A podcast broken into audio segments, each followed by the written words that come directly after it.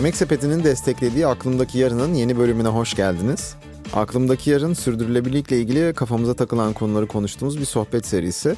Bu hafta modern dünyanın böyle şehirli yaşamın en can alıcı konularından bir tanesini konuşacağız.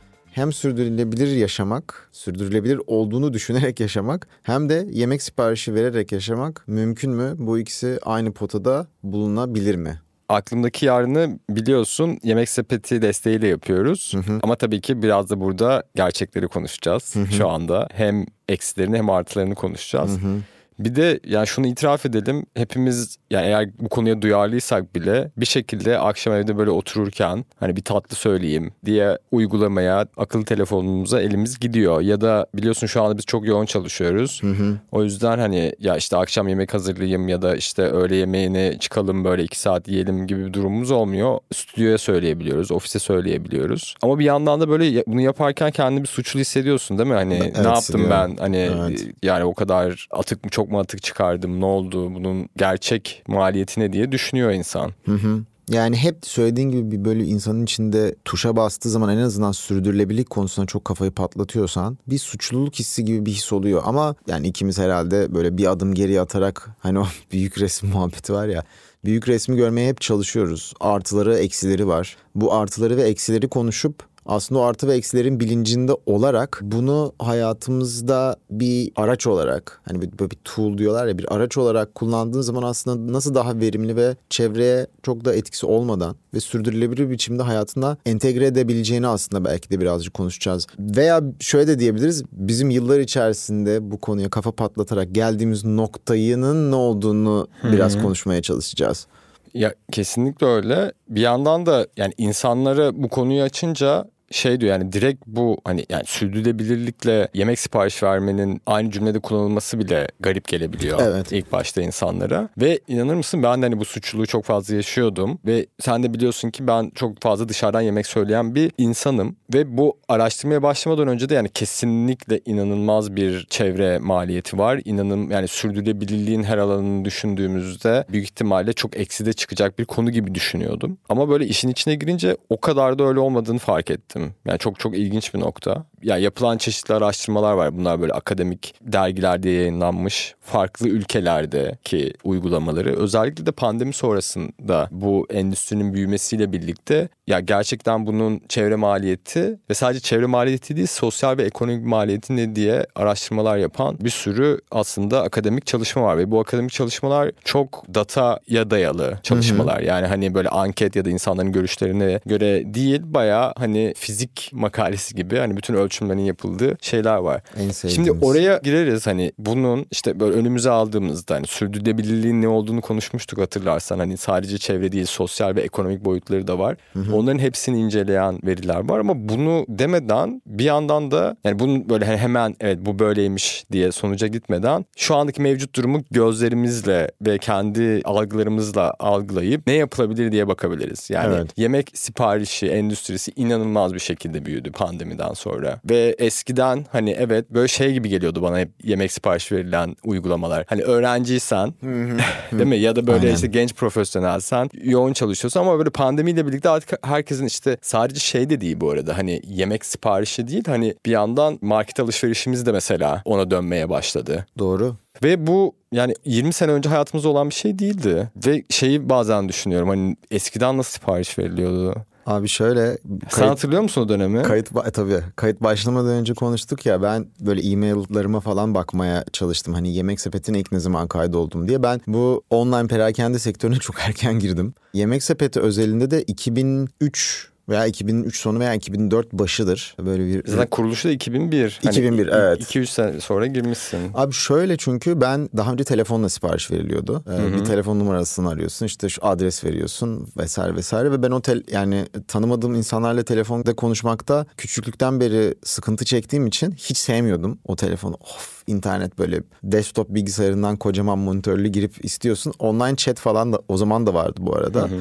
Tarihi şöyle çok net hatırlıyorum çünkü lise sona falan denk geliyordu benim. Oradan hı hı. çok iyi bir biçimde yani hı hı. hatırlıyorum ve benim hayatımda değiştirmişti. Ama bu e-mail'ıma 2013'te geçmişim. 2013'ten beri verdiğim bütün siparişleri mevcut e-mail'ımda görebiliyorum. Eski e-mail adresim bile çok şeydi. Hı hı. Ama eskiden önemli telefonla sipariş veriyordun Ve telefonla sipariş hikayesi işte yavaş yavaş ortadan kalkmaya başladı. Ya bu arada şunu da unutmamak lazım. Hayatımızda sanki yani böyle hep bir eskiye bir özlem hikayesi var ya nostalji. İşte eskiden gidip pazardan alıp şöyle yapardık böyle yapardık. Şu anda seninle bir şeylerde konuşurken galiba podcast tarafında konuşurken Netflix'in CEO'sunun tek rakibimiz uyku demiş olması aslında beni hep, hep düşündürüyor. Çünkü günde hani hep de konuştuğumuz kayna en sınırlı kaynağın gerçekten vakit. 24 saatin var. Bunun bir kısmını uykuya ayırman lazım. Yani telefona bakıyorsun 4 saat. Çalışıyorsun 8 saat. Arkadaşlarına geçiyorsun o kadar saat. Bu kadar saat. Her gün de günün 1,5-2 saati yemek hazırlamaya ve yemek malzemeleri almaya gitme isteğin de olmayabilir. Ve bunun da artık suçluluğunu bize kimsenin hissettirmemesini ben birazcık da rica ediyorum. Bunu... Bir yandan mı mesela Michael Pollan da şey diyor hani bu önemli bir ritüeldir insan hayatında. O iki saat yemeği yapmak ya da a- aileyle birlikte yapmak. Biraz yemek siparişi endüstrisi değil bu arada. Modern dünya Tabii. bizden bunu biraz çalmıştır diyor mesela. O da bir görüş ama hani işte dediğim gibi senin yaşam tarzına alakalı. Bir de biz bu aklımdaki yarın podcast'inde biraz da yani gerçekleri konuşuyoruz yani gerçekten hani Evet. şehirli bir şekilde yaşarken neler neler yaşıyorsun yani. O Evet. yemek siparişini veriyorsun bir şekilde ve onu hem kendi adına nasıl daha sürdürülebilir bir şekilde yapabilirsin hem de bu bir şekilde müşteri olarak dahil olduğun endüstriyi Nasıl dön- değiştirebilirsin? nasıl değiştirebilirsin müşteri olarak. O yüzden şeye de bakmak istedim ben. Hani sorunlar ne? Zorluklar ne? Mesela ne yapmalı endüstri, yemek siparişi endüstrisi? Şimdi bir kere daha temiz ulaşım araçları ve seçeneklerini kullanmak etkiyi çok azaltacaktır. Ya bunu- Gıdanın restorandan sana ulaşması sırasındaki. sırasındaki bu ne demek hani elektrikli araçlarla olabilir, bisikletle olabilir ya da gerçekten yürüyerek yapılabilir ve ilginç mesela birazdan gireceğim araştırmada şey sonucu çıkmış. Eğer hani Çin'de yapılan bir araştırma bir kilometreden az yerlerden söylüyorsan etkisi daha fazla oluyor. Yani git git al diyor onu. Anlatabiliyor muyum? Yani Çok o ilginç. sadece karbon ayak izi meselesi değil yani orada başka veriler de giriyor işin içine. Ama hani eğer daha uzaktan bir yerden getiriyorsan evet o zaman bir karbon salınımına sebep oluyorsun ama onu da elektrikli araçla ya da başka şeyle kompanse edebilirsin. Ama sadece bu arada insanlar yemek siparişini düşünürken o ulaşımı ve yakılan karbonu düşünüyor her zaman Abi gibi. evet, ama bunun dışında ne var? Paketleme meselesi. Bu bu arada karbon meselesinde şeyi de bahsedelim mi? Yani Yemek Sepeti'nin bir Aralık 2021'de duyurduğu bir pilot uygulaması vardı elektrikli motosikletlerle ulaşım için. Galiba 50 motosikletten bahsediyorduk. Tabii bunların yani artarak devam etmesi yararlı olacak ama tabii ki o tarafta da bambaşka şeyler var. İşte yeni motosikletlerin piyasaya gelmesi, işte teşvik mekanizmaları vesaire. Sonuç- Zaten elektrikli ulaşımı da konuşacağımız konulardan bir tanesi podcast'te. Yani yaygınlaşıyor ve bu yaygınlaştıkça büyük ihtimalle yemek siparişi endüstrisine de gelecek. Gelecek. Ama o yaygınlaşırken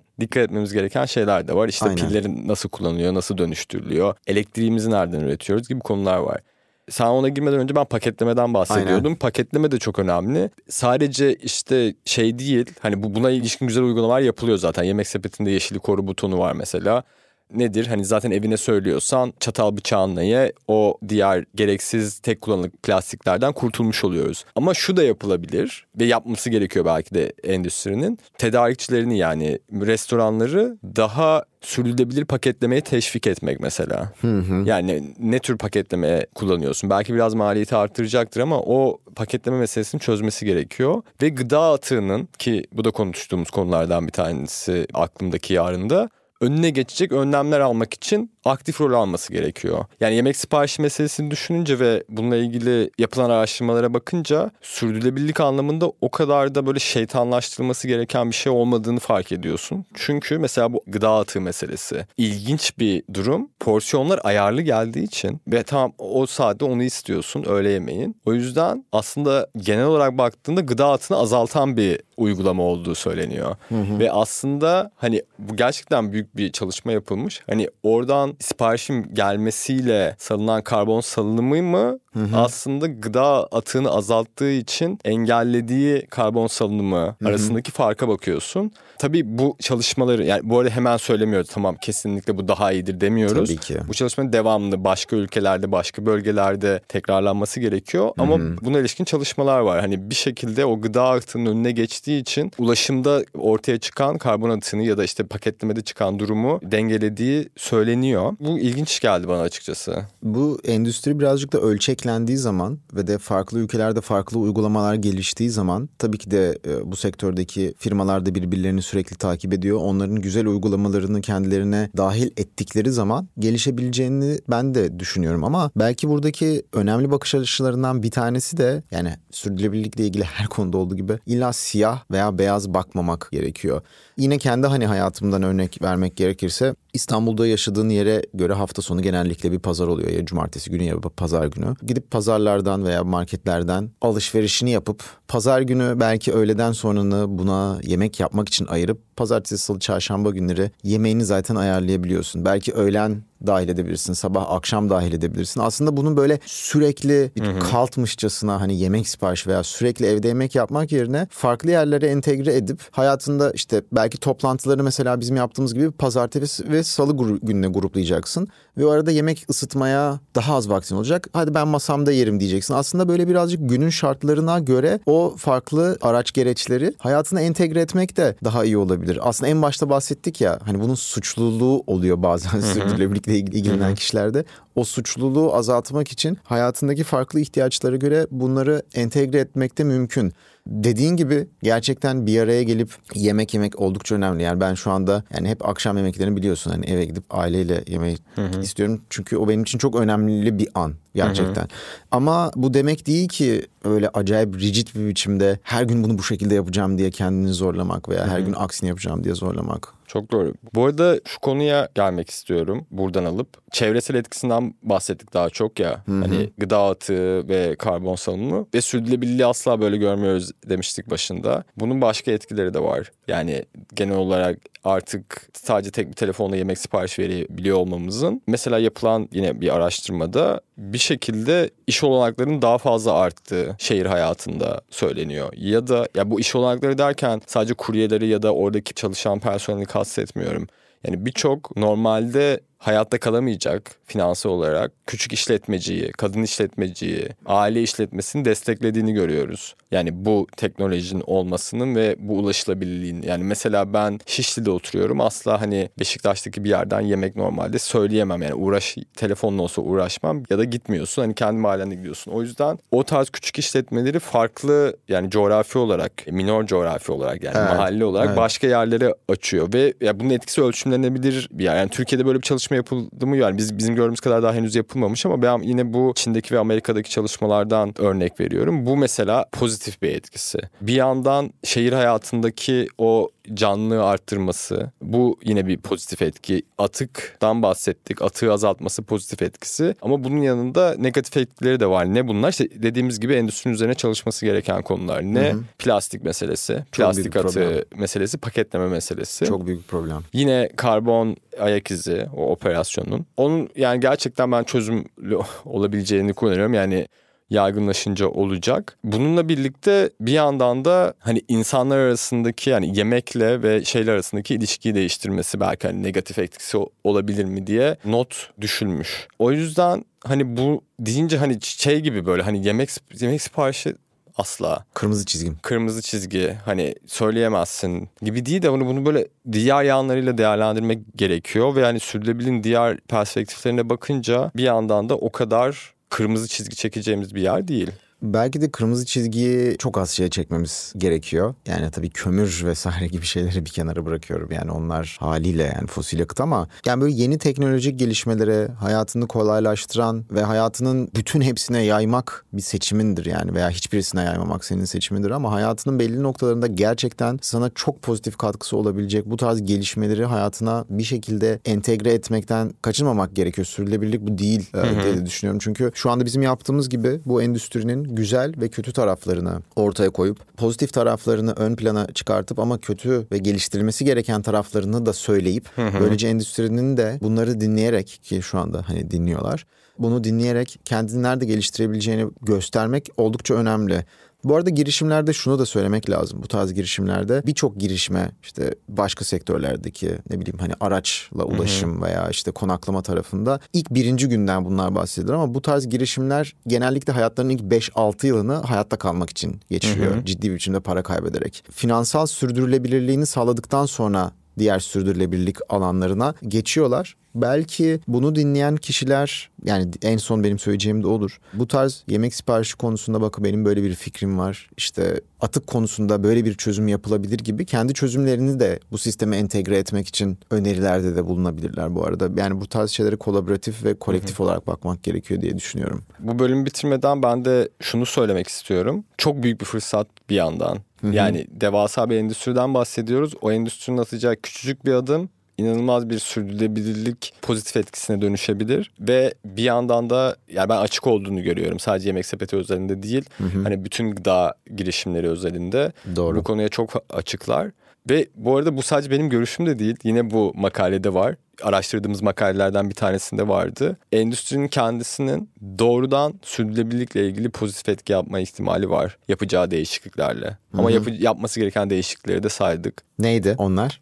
Ya temiz ulaşım seçenekleri üzerinde durmak, paketleme ile ilgili konulara dikkat etmek ve gıda atıyla mücadele için adımlar atılması. E, bunlar yapıldıktan sonra gerçekten de çok ciddi bir pozitif etkisi olabilir. Evet. Burada gerçek bir potansiyel var ve bu potansiyeli olumlu yönde kullanmak için elimizden geleni yapmamız gerekiyor gibi bir noktadasın Hı-hı. aslında. Kesinlikle. Evet.